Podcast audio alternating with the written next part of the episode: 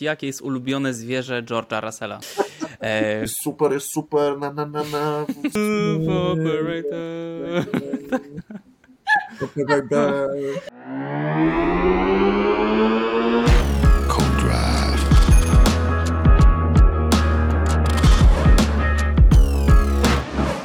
Witamy w Codrive przed Grand Prix Singapuru. To już 17 runda tego sezonu Formuły 1. Witamy Was po drugiej w zasadzie przerwie wakacyjnej, nieplanowanej przed sezonem, ale tak wyszło, więc spoko. Niektórzy korzystają, e, tak jak Wasi i moi ulubieni Cezary Gutowski, który nadaje do nas prosto z Tajlandii. Thailand, Thailand. Powiedz. Jungle Wrong. Dzień, Żartowałem, udawałem, że wiem jak jest Właśnie zamówił krewetki. Ale chyba nie no tak. Świetnie, pokażesz nam krewetki. Aldona Marciniak, która nadaje z Nowego Jorku oczywiście. Dzień dobry Aldona. Jak widać. Dla wszystkich. Oraz ja, który nadaje ze smutnej Polski, ale uprzedzam wszystkie pytania. Tak, siedzę w czapce, bo mi zimno i, i już. I w bluzie też, żeby nie było wątpliwości, że to tylko czapka. Dzisiaj sobie porozmawiamy o Grand Prix Singapuru rzeczonym, który wraca do kalendarza po przerwie, o tym, czy Max Verstappen zostanie mistrzem już w ten weekend, o gorącym miejscu w zespole Williams, o szansach na pierwsze zwycięstwo w tym sezonie Mercedesa, potem pytania od Was, czyli kogo Cezary i Aldona szanują ze swojej konkurencji międzynarodowej. I tematy luźne, czyli jak Carlos Sainz został myśliwym i tu dla wszystkich wegan i obrońców zwierząt nie został tak naprawdę myśliwym. Ale, a może został, nie wiem, teraz już nic nie wiecie i zaczekacie do końca, żeby to usłyszeć. Ale przejdźmy do Singapuru. Tor w Singapurze pojawił się w kalendarzu niedawno stosunkowo, w 2008 roku, zaprojektowany przez znanego Hermana Tilke, a znany jest z tego, że zaprojektował m.in. tory w Szanghaju, Bahrajnie, Stambule, Walencji, Austin, do którego polecimy już niedługo. E, pierwszy w historii wyścig nocą odbył się e, w Singapurze. Oczywiście chodzi o wyścig Formuły 1. Jest to jeden z najbardziej fizycznie wymagających torów. Kierowcy tracą nawet do 3 kg podczas e, jednego wyścigu, z czego jeszcze jest znany ten tor. Na przykład zakręt 18, który przebiega pod trybuną i co dodał mi Cezary, przy zwodzonym boisku. Proszę rozwiń. No więc jest tam takie boisko, bo tam jest zatoka, jest zatoka i jakby jest wybudowana sztuczna wyspa, która ma mm. kształt prostokąta i znajduje się na niej boisko do piłki nożnej i ona jest naprzeciwko tej trybuny, pod którą potem wjeżdżają bolidy. Trzeba dodać, że to jest y, taki zakręt, w którym najczęściej kierowcy błędy popełniają. Wjeżdżając pod tą trybunę, chyba wyjdzie statystycznie, że najczęściej walą bandę na tym torze. No i jest to tor, który nazywany jest torem kierowców, ponieważ tutaj nie są aż tak ważne osiągi bolidów, co umiejętności właśnie kierowcy. Dosyć dobrze szło tutaj, no czy nie? Znaczy nie, to się pewnie zgadzam absolutnie tylko kierowców, tylko to e, takie, no niestety e, możliwości bolidu zawsze są ważne. Okej, okay, oczywiście, dobrze. Limity, że tutaj ktoś tam chodzi po wodzie i tak dalej. No są kierowcy, którzy sobie radzą świetnie na mokrych torach, ale zazwyczaj w większości przypadków wiąże się to z tym, że na przykład ich bolidy mechanicznie bardzo dobrze sobie radzą na wodzie, albo mają też ustawienia trochę bardziej przewidziane na to, że będzie padał deszcz, tak więc i tak samo jest też z tym torem kierowców, że absolutnie jest to tor kierowców, bo skill tutaj odgrywa ogromną e, rolę, natomiast jak auto nie jedzie, to jakby e, jak to mówią, z guana bata nie ukręcisz, no i tyle. E, proszę bardzo, to jest właśnie bon mot, który możecie sobie zapisać.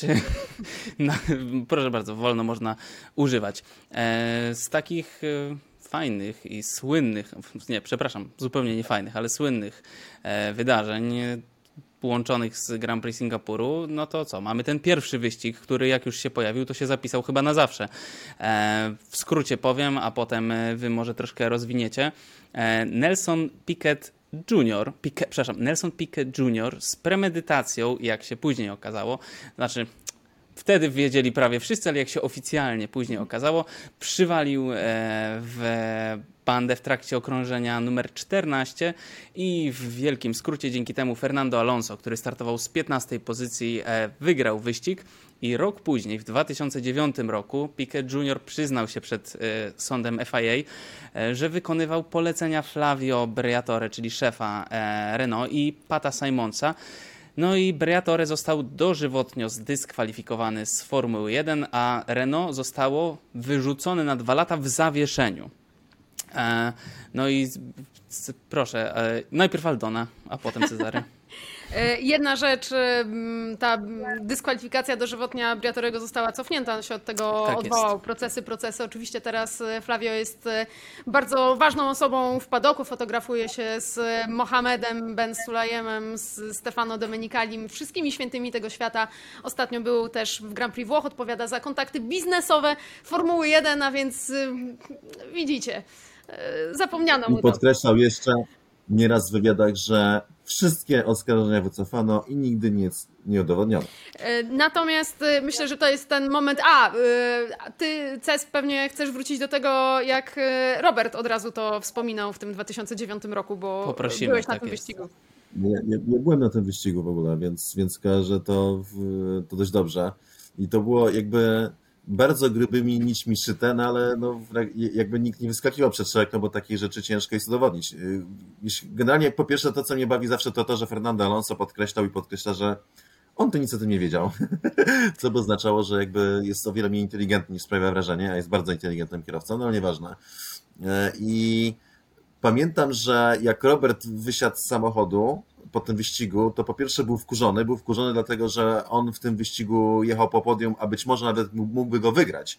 A to był sezon, który walczył o Mistrzostwo Świata. Znaczy on walczył, bo BMW Zauber nie walczyło, ale on jeszcze miał szansę.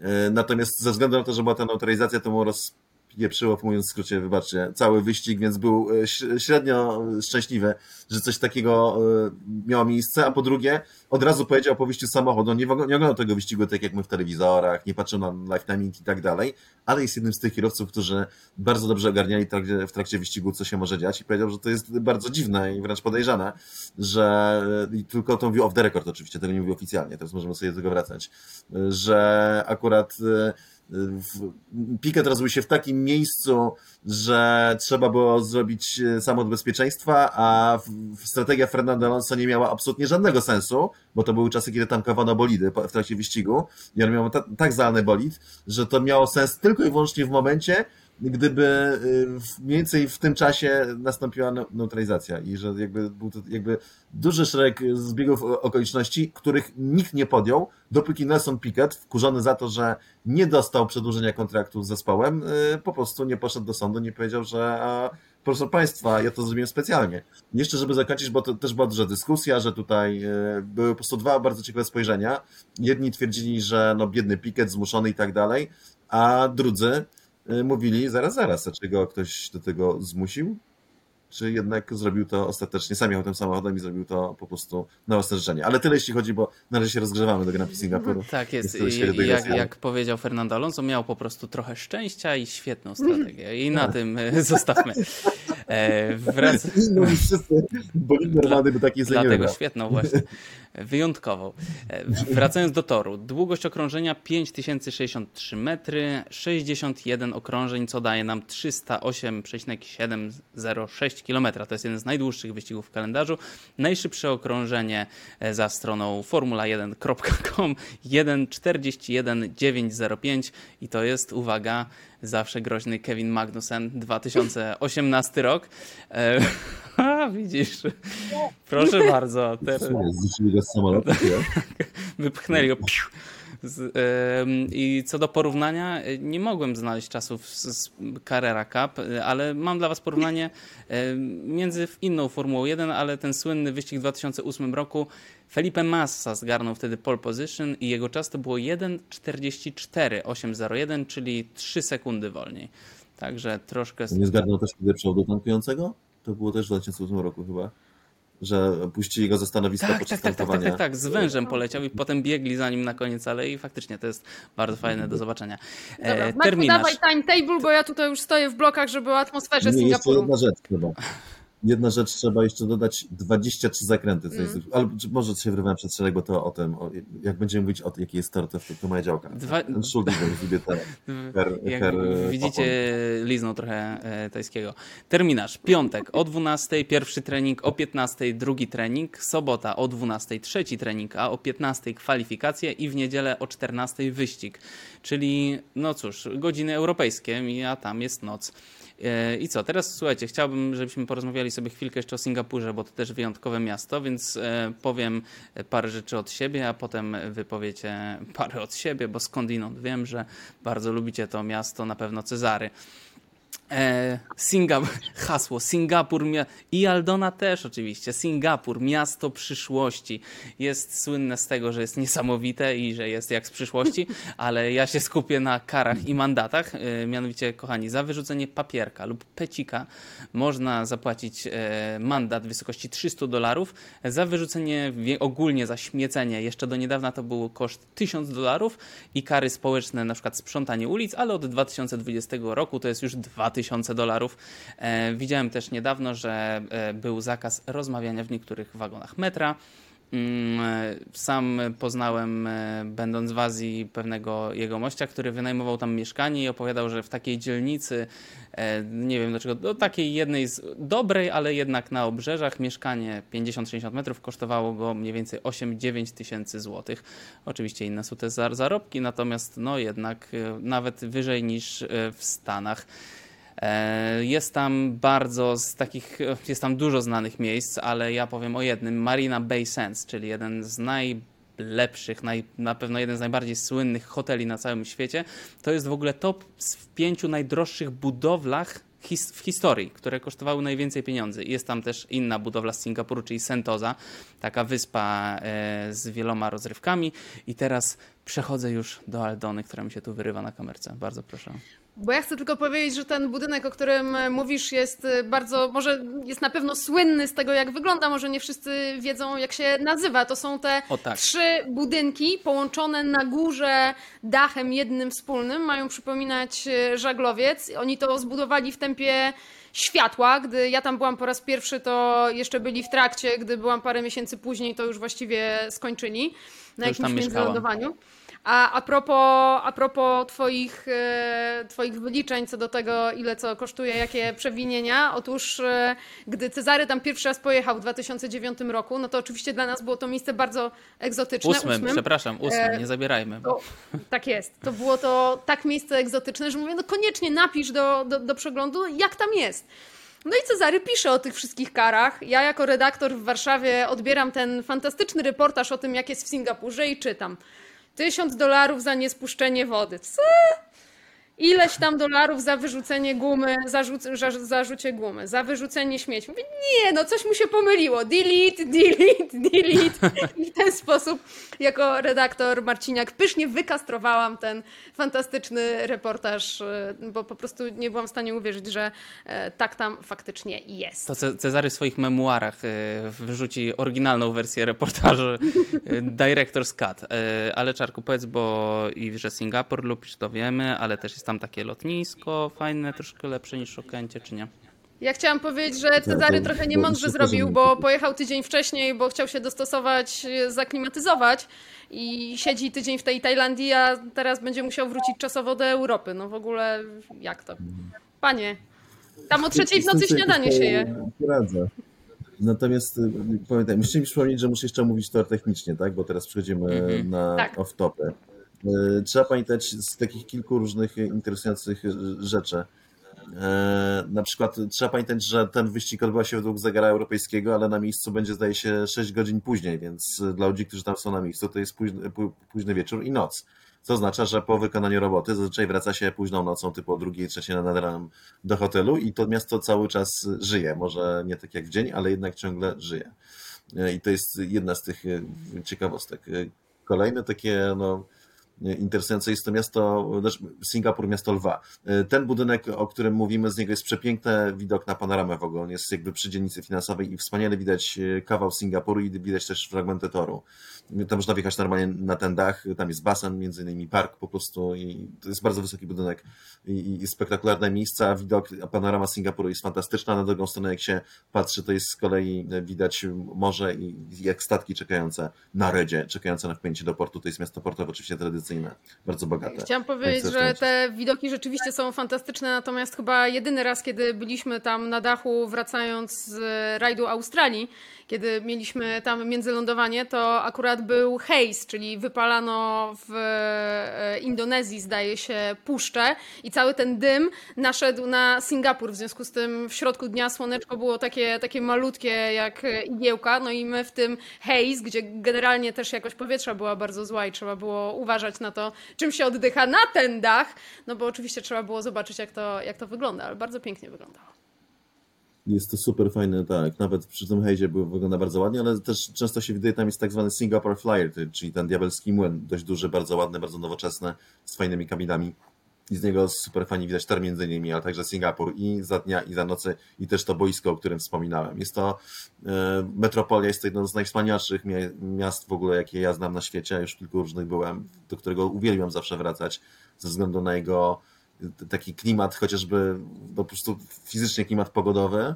E, ja lubię, jak jest ciepło i nie przeszkadza mi wilgoć, ale też y, przez, y, to jest takie kosmopolityczne miejsce, jest bardzo przyjazne, jest świetnie zorganizowane. Ja normalnie jestem takim osobą bardziej ten, która no, no nie przepada za wszelkiego rodzaju ograniczeniami i karami za wszystko, za życie gumy, ale jednak tam się to świetnie sprawdza. Naprawdę no, człowiek się tam czuje po prostu bezpiecznie i w jakimś fajnym miejscu. Jest to wspaniały tygiel kulturowy. Ces, a ja mam do Ciebie tak, tak pytanie, tak, bo właśnie sobie uświadomiłam, że przecież Ty tam byłeś w 2019 roku, kiedy po raz ostatni ścigała się tam Formuła 1.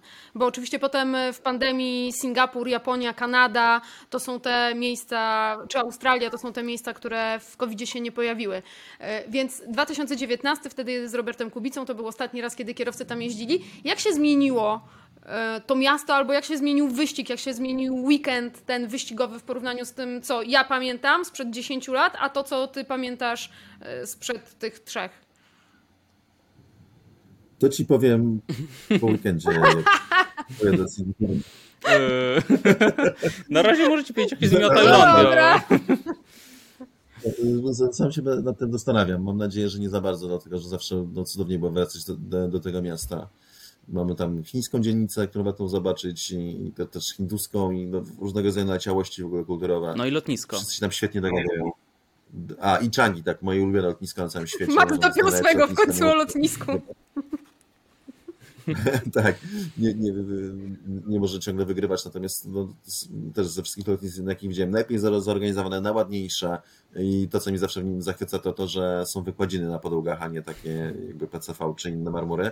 E, to chyba tylko z innych, co pamiętam, to w Dubaju jest też, że, że i to też nie wszędzie, że chodzi po wykładzinach, natomiast tam po prostu wyłożone i to jest ogromne lotnisko, to jest taki hub, co tu drąbić na zasadzie na całą Azję, na Australię, kraje arabskie, kawał Afryki, no to wszystko jest tam po prostu z tego punktu można lecieć, jak się ktoś chce zwiedzać Azję albo okolice, to Singapur jest bardzo dobrym miejscem, żeby, żeby zrobić sobie bazę wypadową, trzeba zostać koniecznie przez kilka dni i po prostu chłonąć atmosferę tego wyjątkowego miejsca. No jest fantastycznie, uwielbiam. Uwielbiam tam przebywać i chodzić, spacerować i szwendać się w różne miejsca, oglądać, podziwiać.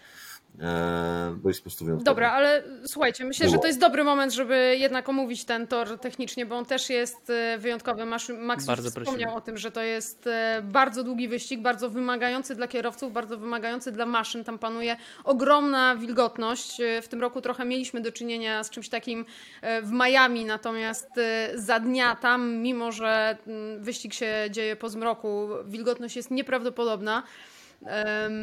No nawet w pobliskiej zatoce 100%. Mm. E, a, a, jeszcze ma lać, według e, prognozy pogody. Och. To ciekawe, bo to się bardzo rzadko zdarzało. Nie pamiętam, żeby, czy żeby kiedykolwiek był jakikolwiek wyścig w Formuły 1 w Singapurze w deszczu. Może, no wiecie, jak to jest w Azji. Może być pokazywać, że jest burza, będzie padało 13-15 minut i tyle. No, zobaczymy. Tak, tak. Póki co w tym rejonie nie jestem aż tak daleko, y, pogoda jest sobie lepsza niż, niż się spodziewano, jest, jest dość łaskawa. Natomiast jest to y, bardzo wyczerpujący tor z bardzo wielu powodów. Po pierwsze, faktycznie ta temperatura powietrza i yy, wilgotność jest duża i ona bardzo męczy kierowców. Jest tam 23 zakrętów, to jest bardzo dużo. Na trudnym, technicznym, dość szybkim mimo wszystko torze, gdzie się wychodzi pod bandy, na torze, gdzie często była ślisko, nierówno, bo to jest tor uliczny, znaczy wąski, powiem, powiem, tak, nie jest jakiś bardzo, bardzo ciasny. Wydaje mi się, że Imola miejscami jest węższa, albo ten przesmyk na przykład w, w Azerbejdżanie. Ale kwestia Więc barier. tutaj nie mamy takich... No tak, ale do, do, dokładnie, tam nie ma za bardzo miejsca na błędy. Jest to okrążenie ostatnie kwalifikacyjne Charlesa Leclerca. To znowu Formuła 1 dawała, że super to okrążenie Louisa Hamiltona chyba z 2018 roku. To odwincie 2019 okrążenie Leclerca na pole position, które jest absolutnie fenomenalnie fantastyczne. Są tam minimum dwa miejsca, gdzie sam przed telewizorem musiałbym zmieniać gacze, nie? W sensie widać to, to co się dzieje, kiedy on ratuje samochód wychodząc pod bandy na kontrach, pół milimetry od fenomenalne okrążenie, które pokazuje też yy, jak trudny jest to tor, prawda? Ile rzeczy może się wydarzyć w krótkim czasie y, i w jak wielu miejscach, więc y, i do tego jeszcze ten wyścig jest po prostu długi. W zasadzie chyba wydaje mi się, że taka średnia jest, że jak przejeżdża się normalny wyścig bez safety cara, tylko po prostu jeden wyścig, to chyba nie ma toru, na którym się dłużej jedzie podobny dystans, z wyjątkiem Monako, który generalnie jest najwolniejszym wyścigiem zdecydowanie i na w Monako się nie przejeżdża nawet 300 km, tylko 270, bo jest tak wolnym torem. Natomiast Singapur aż tak wolny nie jest, mimo tego idzie się go tak bardzo długo. E, jest to tor, na którym nie były różne sytuacje. Jest to oczywiście słynna pogoń Roberta Kubicy z 2010 roku, gdzie Robert zawsze podkreślał, no tak fajna, ale miałem, miałem świeże opony, tak, mm. bo tak się złożyło, że musiał założyć świeże opony.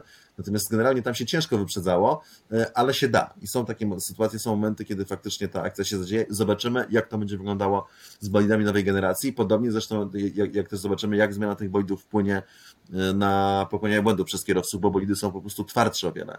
A jednak na torze ulicznym no to tam nie jest aż tak równo, więc mogą być różnego rodzaju nowe sytuacje i ten tor kierowcy będą poznawali y, na nowo i co więcej, bardzo lubią kierowcę Singapuru, dlatego że znowu jest to, jest to obiekt po prostu taki, który stawia bardzo duży challenge, bardzo duże wyzwanie przed nimi. I do tego jeszcze oczywiście to y, oświetlenie sztuczne, y, co prawda mówi się, że tam e, to w zasadzie nie robi żadnej różnicy, trochę robi.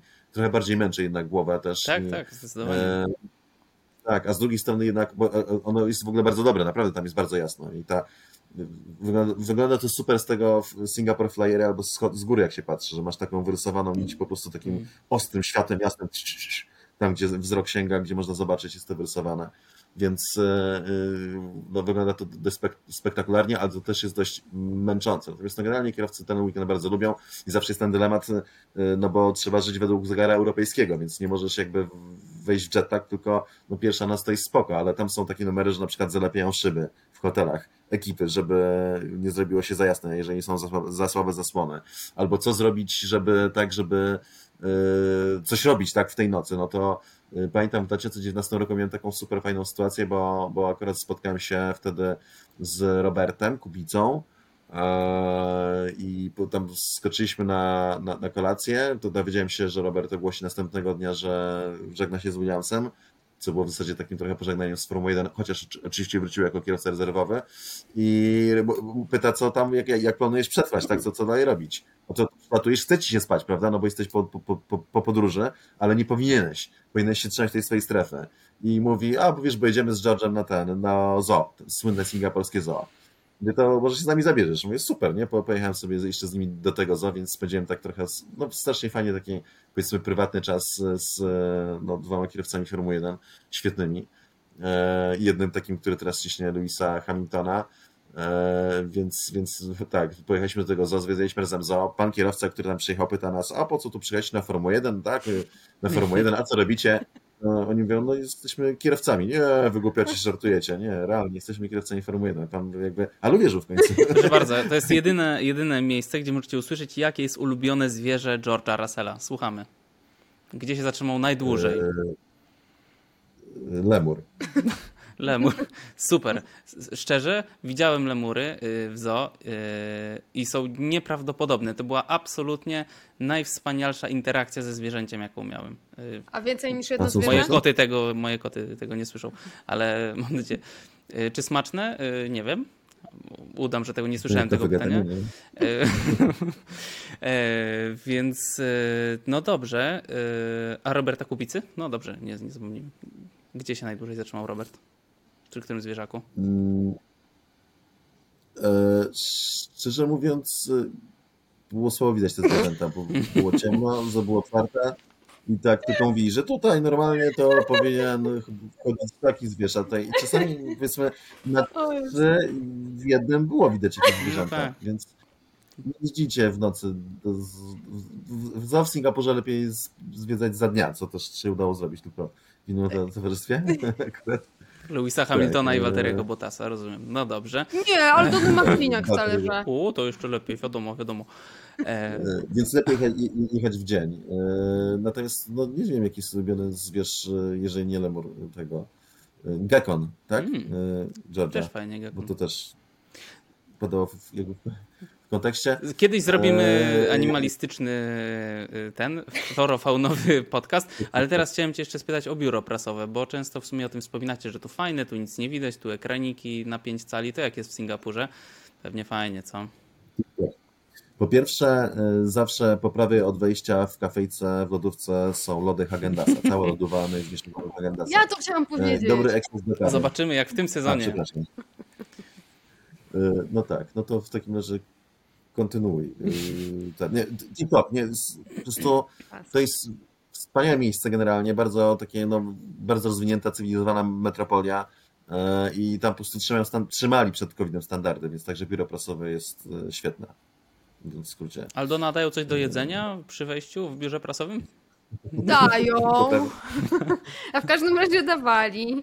Dawali, dawali jedzonka i takie i były mikrofalóweczki, można sobie było je hmm. podgrzać i człowiek był taki zaopiekowany, aczkolwiek była to miła odmiana po tym, e, jak się wchodziło do tego biura prasowego z zewnętrza, bo na zewnętrzu to też tam takie różne jedzonka chodziły o takie, że się zastanawiałeś, czy ty byś potencjalnie to jedzonko zjadł, czy ono cię wpierniczy i to na raz. E, no dobrze, słuchajcie, myślę, że Singapur mamy ogarnięty. Jeżeli to was nie zachęciło, żeby tam pojechać, to nie wiem, co was już zachęci, w sensie was słuchaczy. Nie, to trzeba dodać tak jeszcze na koniec. Przepraszam ci, że wchodzę w, Max w słowa, ale bo to też się często wiąże z pytaniami, które dostajemy po prostu, więc trzeba to poruszyć. Jak pytacie, na jaki wyścig warto Zagraniczny, pojechać? taki daleki w sensie, pozaeuropejski. Daleki. To jest chyba pierwszy na liście pod wieloma względami. Są inne super fajne, typu Melbourne jest fantastycznym weekendem, Kanada. ale jest dalej, jest drożej. E, Kanada jest super fajnym weekendem, więc jest kilka takich, a Singapur to jest takie najlepiej wyważone, wydaje mi się, i nawet można znaleźć, jak się odpowiednio wcześniej człowiek zatroszczy, można znaleźć pokój z, niedrogo z oknem, co nie jest łatwo, bo zawsze jak się, jak bukujecie hotel w Singapurze, zawsze sprawdźcie, czy jest okno. To jest dobry tip, bo to jest po prostu regularne, że Dwa razy mi się zdarzyło pojechać do Singapuru i przekonać się, że dostałem pokój bez okna, bo nie wyobrażałem sobie, że może być bez okna po prostu e, taki pokój. W przyszłym razu w 2019 roku. O, i to tyle chyba się wtedy. A ja chciałam powiedzieć, że jeżeli was nie przekonaliśmy, żebyście oglądali albo wybrali się na Grand Prix Singapuru, to do Formuły 1 wrócił Flavio Briatore, więc jeszcze może coś się wydarzy. Trzymamy kciuki, tak w sumie, chociaż zobaczymy, ale, ale przejdźmy do człowieka, który już w niedzielę może zostać mistrzem świata po raz kolejny. I teraz y, pokażemy Wam grafikę, która jest strasznie nieczytelna, ale po, po, powiesi, powisi chwilkę. Zobaczcie. W każdym razie to jest proste. Jeżeli Verstappen wygra i, będzie, i zdobędzie najszybsze okrążenie, a Charles Leclerc będzie ósmy lub niżej, a Sergio Perez będzie czwarty lub niżej, to wtedy Max Verstappen wygrywa Mistrzostwo Świata. Według tej grafiki. Nie liczyłem. Jeszcze George Russell tam chyba jest w tej, w tej ustawie, nie? Że w sensie, że. Na, grafi na, na graficzce nie ma nic. Na, grafic na graficzce nic nie ma. Nie, nie, nie. To, to... A tam się. Nie. Generalnie założenie jest y, proste. Max Verstappen musi wygrać ten wyścig, żeby zdobyć mistrzostwo. Może wygrać albo z najlepszym czasem okrążenia i to jest ten scenariusz, o którym Max mówił. Jeżeli wygra bez najlepszego czasu e, okrążenia, to wtedy Charles Leclerc musi być e, odpowiednio dziewiąty lub niżej. Niżej, tak, a Sergio Perez piąty lub niżej. Tak, no ogólnie nie jest to scenariusz, który jest zupełnie niemożliwy. Myślę, że spokojnie może się to... Ale jest Ale pewnie tak, pewnie jeszcze chwilę poczekamy, miejmy nadzieję, że jeszcze chwilę poczekamy, ale żeby tam się nic złego nie działo. Natomiast oprócz tego, że może zdobyć mistrzostwo, to może też pobić kilka rekordów, to ogólnie w sezonie, między innymi po pierwsze, najwięcej punktów w sezonie. Obecnie rekord to jest Hamilton 2019, oczywiście. 413 punktów i to nie będzie takie trudne, ponieważ Verstappen musi zdobyć tylko trochę ponad połowę ze wszystkich możliwych, czyli dosyć szybko wręcz mhm. może sobie zagwarantować pobicie tego rekordu. Najwięcej zwycięstw w jednym sezonie. E, obecnie Vettel i Schumacher po 13, tylko warto przypomnieć, że Schumacher jechał w sezonie, który miał 18 wyścigów. Verstappenowi brakuje dwóch zwycięstw, żeby wyrównać ich rekord, a mamy jeszcze sześć wyścigów i najdłuższy, najdłuższą serię, jeśli chodzi o wygrane z rzędu wyścigi. E, obecnie to jest 9, e, Sebastiana Fetela, Max ma obecnie 5, no to tak, to chyba tak będzie pewnie najciężej, e, ale też nie jest to jakieś zupełnie niemożliwe, chociaż no nie wiem. Jedyne, co mi przychodzi do głowy, to, że.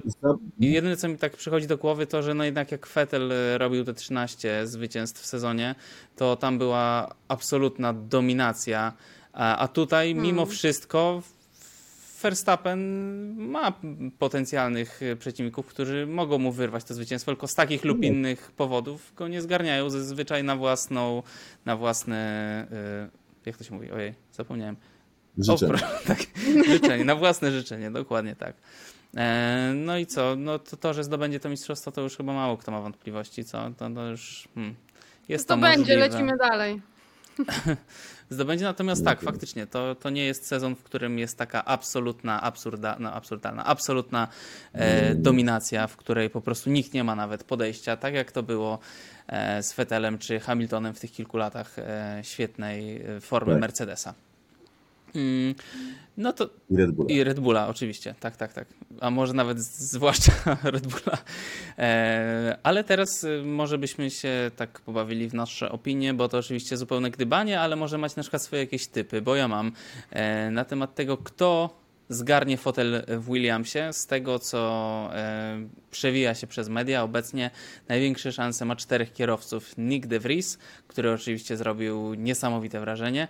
Logan Sargent, e, i to jest Amerykanin, co też jest ważne, e, zwłaszcza w świetle aferki z Coltonem Hertą i nieprzyznania superlicencji. Sargent jest obecnie trzeci w Formule 2 w klasyfikacji generalnej. Antonio Giovinazzi oraz zawsze groźny Mick Schumacher. I proszę bardzo, Cezary Gutowski, e, twój typ, kogo wrzucasz na fotel Williamsie? Potem się rozliczymy z tego. Ha. E, wiesz co, jest, ciężko jest to obstawić, natomiast wydaje mi się, że powinno mi zależeć na Devrisie, ale Devris coś mi się wydaje, że ma teraz, znaczy na pewno wiem, że ma dużo ofert i był na tych testach Alpin, e, która wydaje się lepszą propozycją mimo wszystko na Węgrzech i ponoć jeszcze do Alfy jest przymierzany, więc tak jest. wydaje mi się, że a, raz, a dwa y, chodzi o tego Amerykanina. No, Colton Herta znowu dostał czarną polewkę y, od Formuły 1. Moim zdaniem jest to absolutnie skandaliczne i jeszcze raz podkreślę, jaki idiotyczny jest system punktowy, że tego typu kierowca nie dostał. No, to jest jakiś absurd. No nieważne. Y, natomiast Sergeant jest kierowcą z Akademii Williamsa i no, jako, że jest trzeci Formuły 2, akurat tego nie wiedziałem, dziękuję za informację, no to już to trzecie miejsce go kwalifikuje na punkty. E, absolutnie. I plus no jakoś tak przemawia do wyobraźni. Więc e, a ja bym stawił, że, że on, aczkolwiek on ma jeszcze jechać testy posezonowe w Abu Zabi. Więc e, nie wiem, czy nas będzie tyle czekał. Mhm. Ale jeżeli będzie, to prawdopodobnie będzie czekał, żeby się przekonać, że Sergeant się na to miejsce nadaje. De Vries przypuszczam jednak będzie szukał miejsca. No, chyba najlepiej by było pójść z jego punktu widzenia do Alfa Tauri z tego względu, że Alpin to oczywiście no, teoretycznie na papierze wygląda na lepszą propozycję, ale biorąc pod uwagę, co tam się dzieje za kulisami. Dokładnie tak, jestem tego samego zdania. Ja ogólnie też stawiam na Nika De Vriesa. Osobiście nie wiem do końca, czy on jest aż tak dobry, jak teraz jest na niego hype, ale wykorzystuje swoje 5 minut i świetnie, no niech to robi. Dlaczego miałby tego nie robić? Um, a powiedzcie, Słuchajcie, bo w sumie ja teraz... tylko no, tak? jedną rzecz, już nie mogę, a propos Nika De Vriesa, tak, tak, tak, bo oczywiście. rozmawiałam dzisiaj z e, Davidem Kultardem, ta rozmowa moja i Cezarego wkrótce będzie do przeczytania mm, w Onecie, natomiast e, i rozmawialiśmy między innymi o tym, czy mm, są jacyś zawodnicy, których on poznał przez całą swoją karierę, którzy byli e, niedoceniani i no, nie dostali takiego uznania, jakie, jakie, jakie, jakie powinni. I on zwrócił uwagę na jedną rzecz, że jego zdaniem, jeżeli już jesteś w Formule 1, to niewielu masz zawodników, którzy, czy też no, próbowaliśmy sami znaleźć takie nazwiska, ludzi, którzy zasługiwali na topowe auto, a nigdy go nie dostali. Pomyślmy, pomyślmy, pomyślmy, pomyślmy, pomyślmy. No nie, no każdy na jakimś etapie możesz się zastanawiać, czy Fernando Alonso nie powinien mieć y, siedmiu tytułów Mistrza Świata, ale generalnie miał szansę w mistrzowskim samochodzie. Nawet Robert Kubica miał szansę w zwycięskim samochodzie, a potem, tutaj już trochę cytuję Davida Coultharda, a potem e, byłby w zwycięskim samochodzie, gdyby nie jego własne wybory. Problem, jak już jesteś w Formule 1, to raczej nie zostaniesz przeoczony w szansie na, na topowe auto. Problem Hmm. polega na tym, żeby się do niej dostać. I ten problem on widzi właśnie w Formule 2 na przykładzie Nika De Vriesa, który wygrywa F3, wygrywa F2 i potem idzie na ławkę, idzie do Formuły E, idzie do wyścigów długodystansowych, bo w Formule 1 nie ma dla niego miejsca i dopiero mając 27 lat, gdzieś dookoła zupełnym fartem tak naprawdę puka z powrotem do tej Formuły 1. Więc to jest etap, na którym możesz zostać przeoczony i to spotkało Nika De Vriesa. W tej chwili jest rzeczywiście niezłym kąskiem dla więcej niż jednej ekipy Formuły 1. No, w Williamsie będzie miał najbezpieczniejszą poduszkę, ale na pewno teraz y, ta, te karty trochę rozdaje on, a nie odwrotnie. A przepraszam, czy wiemy już oficjalnie, że Nick De Vries pojedzie za Albona, czy jak to tam wygląda w końcu ta sytuacja medyczna? Oficjalnie jeszcze nie, ale jakby osoby ogarnięte w temacie od początku mówiły, że jeżeli on miał re, operację wręsku robaczkowego, to raczej ciężko mu się będzie wykurować e, na ten wyścig, a jeszcze jak dodamy do tego, że to jest jeden z najtrudniejszych, jeżeli nie najcięższy fizycznie wyścig Formuły 1, to w ogóle I te komplikacje tam po tej operacji, tam chyba jest za dużo. Niszczymy komplikacje, tak, to, to po prostu rany się, ciężko jest przyspieszyć gojenie rany, to, się, to musi zrobić organizm przepuknina to jest jedna z wielu rzeczy, które mu grożą, jeżeli e, jakby wbrew Radzie Lekarzy weźmie udział w tym wyścigu. De Vries się miał szykować do, do Grand Prix Singapuru de facto. Nie, tylko, że nie wziął paszportu, a Brexit był Tak, i to jest Nie, zatrzymali go na odcinku, znaczy, przepraszam bardzo, ale ta historia sprawia, że ja się zastanawiam, czy, czy tam na pewno, nie wiem, no mama za długo za niego pewnych spraw nie załatwiała, to on teraz, tyle lat po Brexicie nie wie, że na dowód nie wiedzie do Ale Wielkiej tam, Brytanii. ale e, ja przepraszam, małe usprawiedliwienie. chciał na coś, dowód? ale on coś tam mówił, że jeden y, paszport ma w ambasadzie Japonii, gdzie wyrabia wizę, a drugi paszport Słuchaj, coś tam. Choćbym miała ten paszport y, po No, prostu okej, w, w jaskini w Australii, nie próbowałabym wjechać na dowód osobisty do Wielkiej Brytanii jako obywatel Unii Europejskiej, bo się nie da. Może sobie wydrukował wiem, taki t-shirt, że ósme miejsce z Albona i myślę, że po prostu wszyscy go tam, wiesz... To musiało myślę, być to. Myślę, że to to. Skoro mowa jeszcze o kierowcach e, konkretnie, to nie ominimy tego, że Joe Guan Yu, Juganju, Guan Yu Zhou e, przedłużył sensacyjnie kontrakt z Alfą e, Romeo. E, bardzo mi się mimo wszystko podobały te zdjęcia Tygrysa, naprawdę świetne. Próbowałem znaleźć dokładnie takie same i nie da się tego, które wrzucali na swoje sociale. E, no cóż, chyba powiedzieliście już w innych miejscach, co o tym sądzicie. Mm, Gratuluję. skandal, to jest skandal. Skoro, Tsuno, Chiński oprawca. skoro Tsunoda przedłużył, to Guan Yu Zhou też e, na pewno przedłużył, żeby e, zasłużył. Nie, należało mi się. Mi się wydaje, że, że, że, że nie to, że jest tak, że to o kurde, nie, ten facet musi zdać Formułę 1. Jakby nie miał miejsca, to nie byłoby tak, żeby ludzie się zastanawiali, jak to możliwe, że... Ale z drugiej strony zrobi dobrą robotę, e, ma jeszcze coś do pokazania. Ostatnio jest szybszy od Bottasa i to regularnie, co jest w ogóle zaskoczeniem. No i jest Chińczykiem, co akurat... Nie, nie jest zaskoczeniem, Nie a jestem jest fanem tego, żeby kierowcy na paszport mieli miejsca, ale jeżeli już ktoś ma mieć miejsce za paszport, y, za punkty za pochodzenie, to z całą pewnością y, rynek tak wielkości do 2 miliardów y, kibiców jest godny jakby tego wyjątku. Tak jest. E, Przechodzimy dalej. Po raz enty pytanie, czy to ten moment, w którym Mercedes zdobędzie swoje pierwsze zwycięstwo w sezonie i czy to będzie ten moment, w którym Lewis Hamilton wreszcie zdobędzie e, swoje pierwsze zwycięstwo w No. sezonie, czy to będzie jednak sezon pierwszy w całej karierze, to jest w ogóle niebywałe, w którym nie będzie miał ani jednego zwycięstwa w sezonie.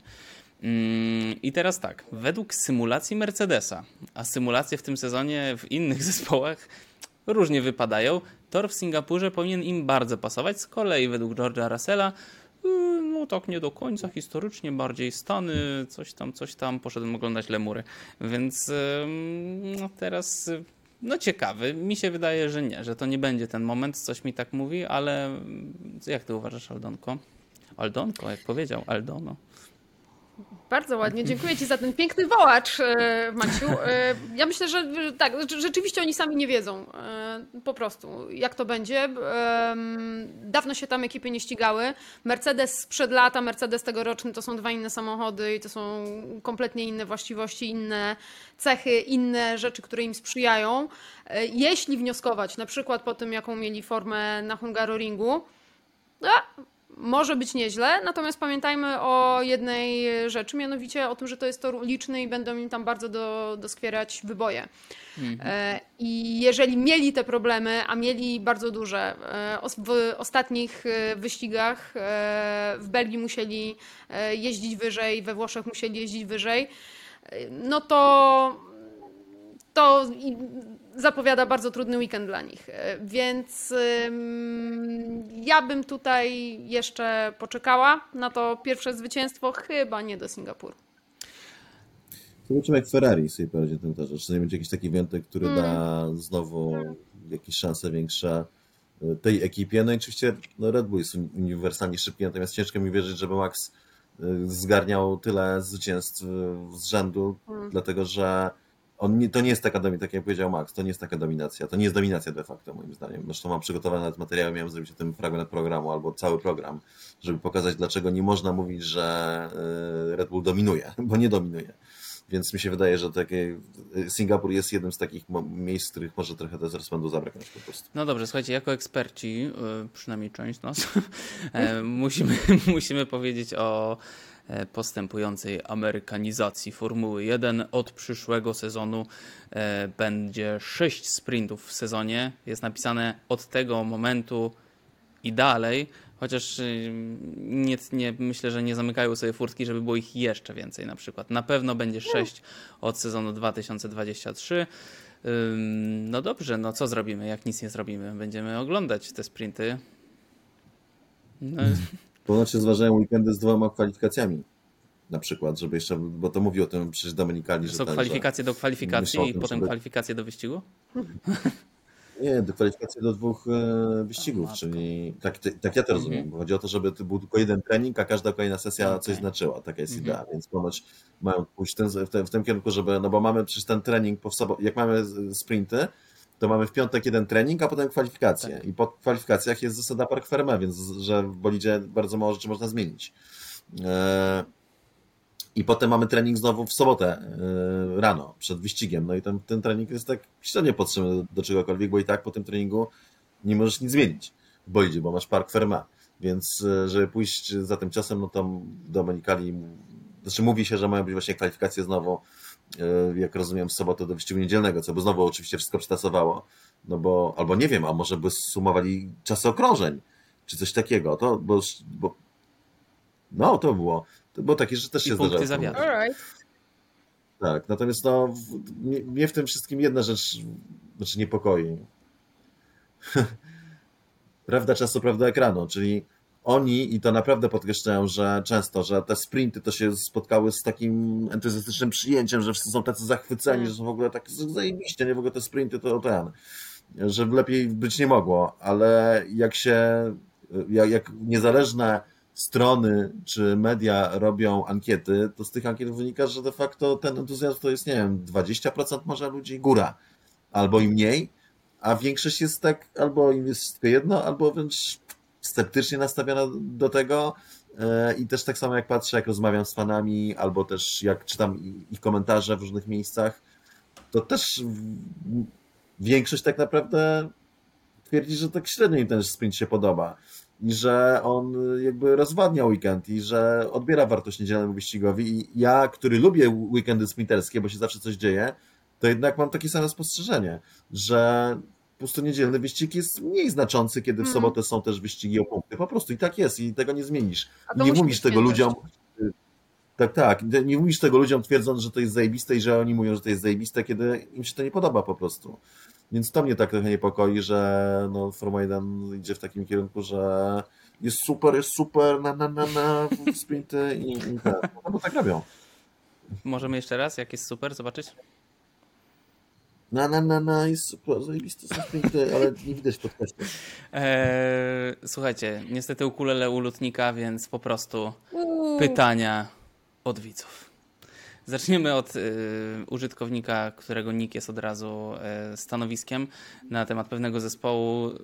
W sumie to się trochę zgadzam, już nie słucham, ale Linking Park Forever. Pytanie jest na pierwszy rzut oka nieco skomplikowane, ale jak rozumiem, jest mocno. Hmm, dobra, nie, nic już nie będę mówił. Przeczytam pytanie. Czy uważacie, że gdyby dało się zamienić ilość tytułów Mistrza Świata obecnych kierowców starszej generacji, patrz, Alonso, Vettel i Hamilton, to Vettel miałby dwa tytuły, Hamilton cztery, a Alonso siedem. Chociaż tak naprawdę osiem tytułów, bo na miejscu Hamiltona nie przegrałby z Rosbergiem. Jak rozumiem, to jest takie życzeniowe, że możemy sobie, kto zasłużyłby bardziej, tak? No i jak wy uważacie? W cudownym świecie. Nie rozumiem pytania do końca. Wydaje mi się, że. Ale. No mów. W cudownym świecie przypuszczam, że y, Fernando Alonso nie miałby mniej tytułów od Louisa Hamiltona. Mm. Załóżmy, że A zamieniają się samochodami. Miałby go więcej. Miałby, znaczy to by też tak nie zdziałało, tak. dlatego że e, Lewis Hamilton to, to jest, ma, ma ogromną zasługę w tym swoją, że akurat trafiał do tych zespołów i że te zespoły w ten sposób pracowały. To jest też kwestia tego, jaką tworzysz wokół siebie atmosferę, jak motywujesz ludzi i tak dalej. Coś, co akurat Fernando no, ma słabe, nie? Słynie z tego, że raczej robi więc to też tr- trzeba. Twierdzenie, że z Alonso w składzie Mercedesu nosiłby takie same sukcesy, jest, no, nie da się go potwierdzić w żaden sposób. To jest tylko i wyłącznie teoria i moim zdaniem wcale nie jest to powiedziane, tak?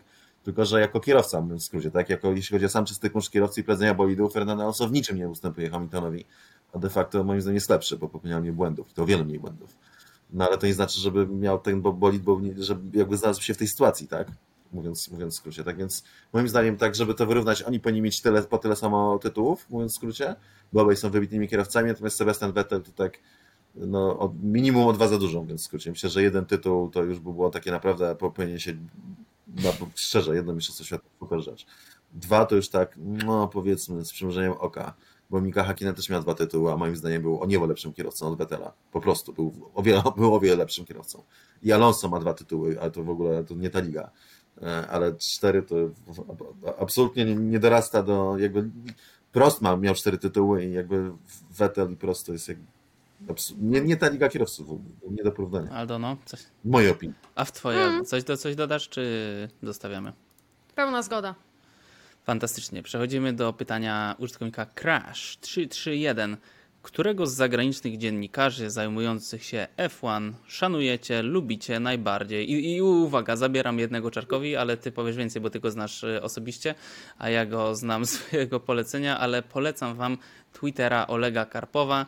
E, naprawdę gość jest bardzo śmieszny i wrzuca tam bardzo śmieszne posty. E, ale teraz proszę, Aldona, ty zacznij. Kogo szanujesz albo lubisz? A może nikogo? Tak naprawdę, słuchajcie, nie, tak naprawdę y, każdego za co innego. Mm, na przykład y, za walor humorystyczny to y, Cezarausa Gutowskisa. Sły- Słynny estoński. litewski, Nie, litewski. Bardzo trudno znaleźć kogoś, kto ogarnia wszystko, bo i, to jest fajne, bo jest naprawdę bardzo dużo aspektów w Formule 1, które, którymi warto się zajmować. I tak na przykład, o ile Dieter Renken jest świetny, jeżeli chodzi o politykę, układy, sprawy finansowe, o tyle za Chiny nie chciałabym czytać żadnej jego analizy dotyczącej ścigania albo technicznej i szczęśliwie żadnej takiej nie popełnia. Mm, Bardzo lubię mm, Michaela Schmidta, e, jeżeli chodzi właśnie o technikalia na przykład. Natomiast jeżeli generalnie miałabym znaleźć kogoś, kto jest tak najbardziej zbalansowany, to byłby to Mark Hughes. No Hughes absolutnie jeden z topowych, chociaż też ma jakieś tam swoje wady, jak, jak my, my wszyscy dziennikowie. Nie no, po prostu. E, Natomiast też świetny analityk generalnie e, i bardzo szanowany w środowisku, bardzo szanowany przez kierowców, co zawsze dużo mówi. No Właśnie za to, że jakby ba- bardzo dobrze postrzega wyścigi. Więc on też jest na moim liście. Martin Brandel, ciekawe, że to zaczyna od dwóch Brytyjczyków, biorąc pod uwagę moją wielką niechęć do, do dziennikarzy z tego narodu. Mimo tego mają kilku naprawdę świetnych ludzi. Martin Brandel jest dla mnie Mm. wzorem, szczerze mówiąc, jeśli chodzi o dziennikarza, generalnie i komentatora. Chyba najlepszy komentator, z jakim ja miałem w życiu do czynienia i jakiego słuchałem. Ze względu na to, na jego ins- insiderską wiedzę, a także wyważenie w tym wszystkim takie i po prostu bezstronność, która jest wzorowa. No, chciałbym być te, też tak bezstronny, jak ja staram się bardzo, ale nie zawsze mi wychodzi. Więc tutaj, ale on też ma jakieś swoje, ale to jest świetny. Ro- Ja bardzo lubię Roberto Kinkero, Mm. który, który no jest takim dziennikarzem, który też świetnie rozumie generalnie i zna wyścigi. Eee, A, no al, i al, al, mam też bardzo dobre więc, więc to powiedzmy, że, że ode mnie taka trójeczka. Jeszcze jest Roger, tak, Benoit, czyli to Mhm. już Roger. 70 lat, ma już coś w tym stylu, szwajcarski dziennikarz z Blika, czyli takiego powiedzmy tabloida, ale jakby historię, jakie ma do powiedzenia, z rękawa sypie. Rzeczy, które on widział, to jest po prostu szokujące na własne oczy. Typu, no, mi najbardziej się przypomina, jak siedzieliśmy kiedyś w Monako w piątek na tym bo był, były wolne piątki w Monako z, z, właśnie z Rogerem przy tym Red Bullu i on opowiadał różne historie. Ja nigdy nie zapomnę, jak opowiada, jak ten, jak siedzi pod salą szpitalną, kiedy Lauda miał wypadek na Nürburgringu, tak prawie umarł e, i siedzi pod, szpalą, pod salą szpitalną i nagle patrzy, że się gwałtownie otwierają drzwi i kopany w dupę, literalnie tak powiedział, kopem w dupę wlatuje z pokoju ksiądz, a zanim e, jeszcze wypycha go e, żona Laudy co się stało? Przyszedł dać ostatnie namaszczenie Laudzie, więc został wykopany z sali. I to są takie historie po prostu. Tak więc jest sporo osób, które mają dużo do powiedzenia. E, ciekawych rzeczy w tym sporcie, ale myślę, że, że, że wyczerpaliśmy już. A, powiedzcie, a powiedzcie jeszcze na przykład z byłych kierowców, którzy występują w telewizji, czasem tam przepytują kierowców. Ktoś wam zwrócił na siebie uwagę? Kto tam? Nico Rosberg, chyba Jenson Button czasem. Rosberg fenomenalny. Doskonały. Fenomenalny. Trzeba powiedzieć, Doskonały. że jest tak, no absolutnie. Też on to wszystko mówi w czterech językach płynnie jeszcze do tego. No on jest zwierzakiem po prostu. Po, po, po niemiecku, po angielsku i po włosku. E, mówi, że po wszystko nie mówi, ale coś tam chyba garnia. Tak więc jego zrozumienie, ale taką, tylko że on jest też takim kierowcą, który dużo rzeczy jakby politykuje, nie? I dużo rzeczy tam, niektóre rzeczy mówi dość otwarcie i dosadnie, inne z kolei przemilcza albo, no, no bo tam po prostu nie, nie wszystko tak widać, że sporo rzeczy ukrywa dla, dla siebie. Rzeka Winowa bardzo lubię jako eksperta, mm. jako kierowcę. Mimo, że ma takie, nie ze wszystkim się zgadzam, to jednak bardzo doceniam jego spojrzenie, takie bardzo ostre, wyraziste i takie zdroworozsądkowe po prostu. Takie patrzenie z punktu z przyziemienia, nie? Że, że, to, że świat wygląda tak i tak, życie jest takie i takie, wyścigi są takie i takie i jest tak i tak. E, no, więc Poli Resta jest całkiem niezłym... E, Karon Chandok nie za dużo jeździł. Nie, Karon fajny ma, że jak, nie mówię, że we wszystkim, ale jak ma tam te, te swoje przemyślenia, to, ten, to, to takie bardziej ogólne spostrzeżenia podobają mi się. Co? Aldona widzę, że nie za bardzo. Nie, ja nie. Ja nie, natomiast e... dla mnie z kolei bardzo pozytywnym zaskoczeniem a propos słabych kierowców, dobrych dziennikarzy jest Julian Palmer który hmm. naprawdę zrobił bardzo duży, duży postęp i e, nie gryzie się w język mówi rzeczy rzeczywiście takimi, jakie, jakie one są. Naprawdę bez kolorowania, no, naprawdę szanuję. No tylko ma w sobie ten taki powiedzmy cień, e, zadziar tego, że, bo co dużo mówi, Julian Palmer jest kierowcą, który Yy, no, jakiś tam, powiedzmy trochę jak Latifi, no, tylko może ciut lepszy.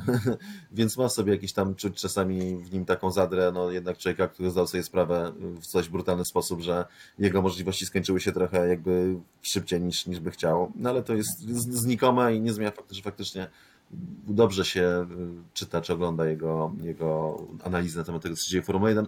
Potrafi dużo bardzo fajnych rzeczy wyciągnąć, na które E, no i nie, nie zwracają uwagi. Dobrze, tu wyobrażamy sobie ukulele, tematy luźne i znowu ukulele. Hmm. Zaczniemy od no. wypowiedzi Ralfa Schumachera, czyli dla tych, co nie wiedzą, to jest brat Michaela Schumachera i wujcio Mika Schumachera.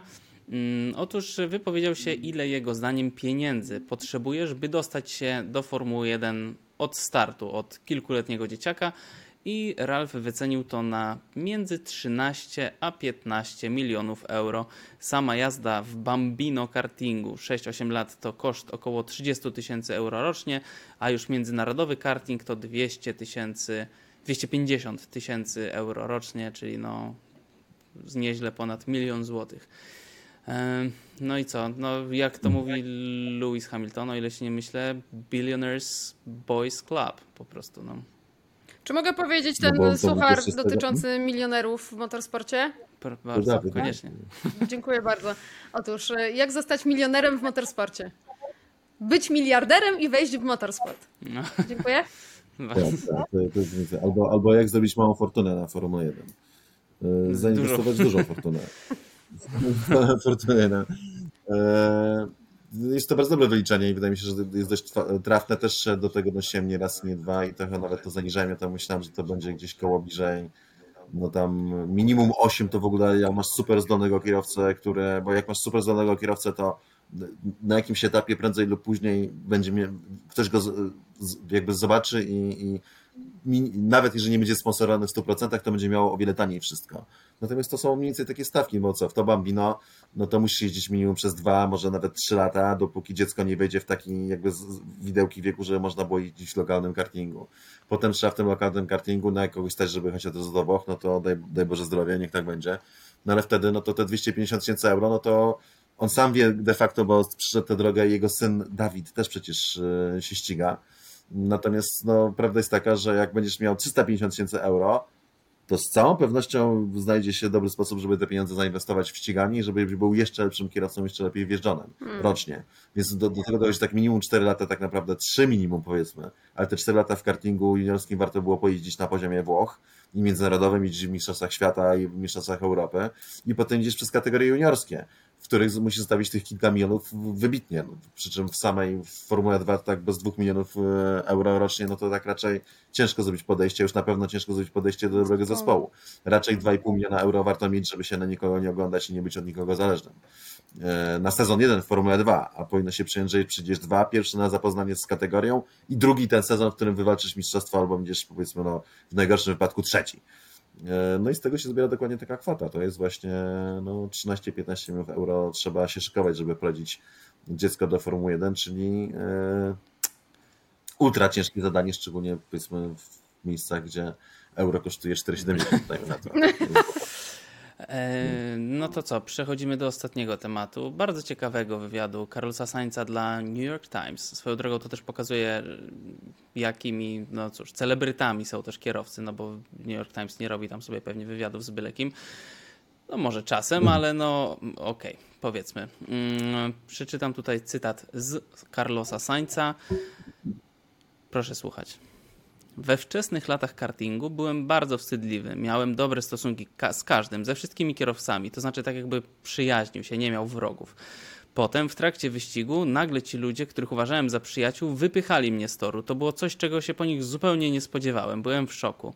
Wtedy mój ojciec, też zresztą kierowca wyścigowy, wytłumaczył mi, że są dwa typy ludzi: myśliwi i ofiary.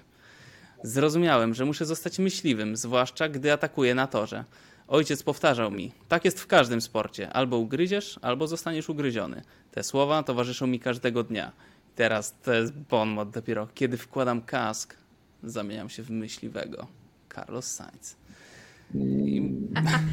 I teraz powiedzcie mi, widzicie tego myśliwego widzicie tego Carlosa Sainza i co?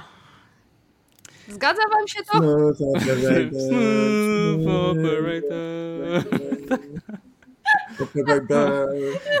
Ja go nazywam soft matchem, w skrócie, bo bardzo mi to pasuje do jego ksywka, bez, bez żadnych pretensji do matcha czy do softów. Natomiast on ma, ma w sobie takie dwoistości, że z jednej strony taki potrafił to w sumie to niby, że taki ten, no i ma taką radę, powiedzmy, latynoską, a z drugiej strony jednak ma taką poczciwy, do... i nie dziwi mnie, że mówi, że właśnie, mm -hmm. jestem taki sam, że taki, e, że jak się z kimś przyjaźnisz i tak dalej, masz dobrych kolegów, to potem serce na dłoni, a potem się okazuje, że ten, że kończysz jakby z tym, z czekierą w dupie, albo coś takiego.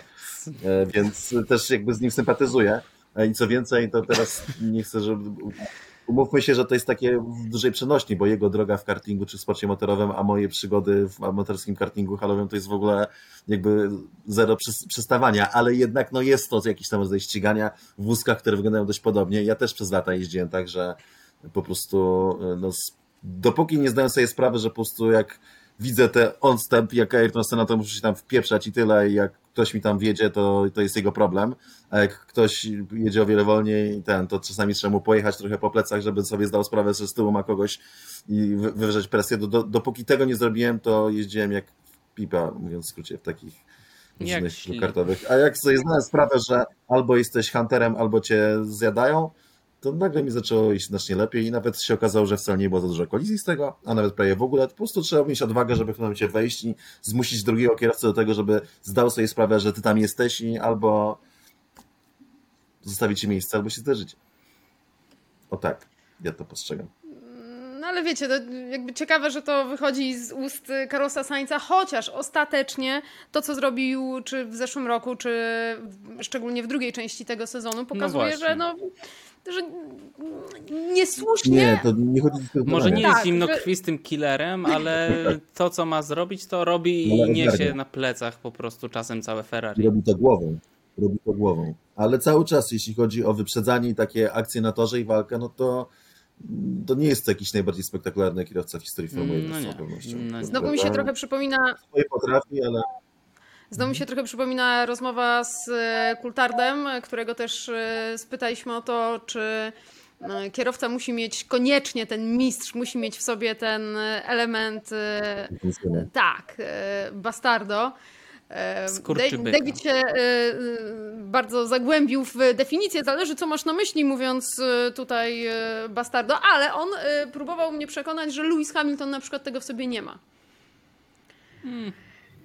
Więc Panie Davidzie, Słuchałam i nie wierzyłam. Jeżeli Lewis Hamilton tego w sobie nie ma, to Carlos Sainz na pewno tego w sobie nie ma. e, no dobrze, tym e, miłym nie dla Carlosa akcentem. Dziękuję wam bardzo za dziś. U niektórych jest, e, która jest u ciebie Cezary teraz, żeby było wiadomo. U mnie jest gdzieś druga 46. Druga No, 46. w ten moment na śniadanie. Tak. Już na No. pewno dają tam, e, wystawiają pyszne krewety. E, dziękujemy Wam bardzo. Słyszymy się po Grand Prix Singapuru, kiedy u nas będzie jeszcze wczesne popołudnie, a u Cezarego już późna, późna noc. Mam nadzieję, że nie będziesz wyjeżdżał z toru tyle co e, we Włoszech na przykład. Nie, we Włoszech to jeszcze w miarę szybko. Ja też nie będę A, samolot wtedy. No właśnie, trzymamy kciuki. E, Dziękujemy Wam bardzo. Zadawajcie pytania do następnych kodrive'ów, na które z chęcią odpowiemy i do usłyszenia. Thank you. Thank you. Thank you.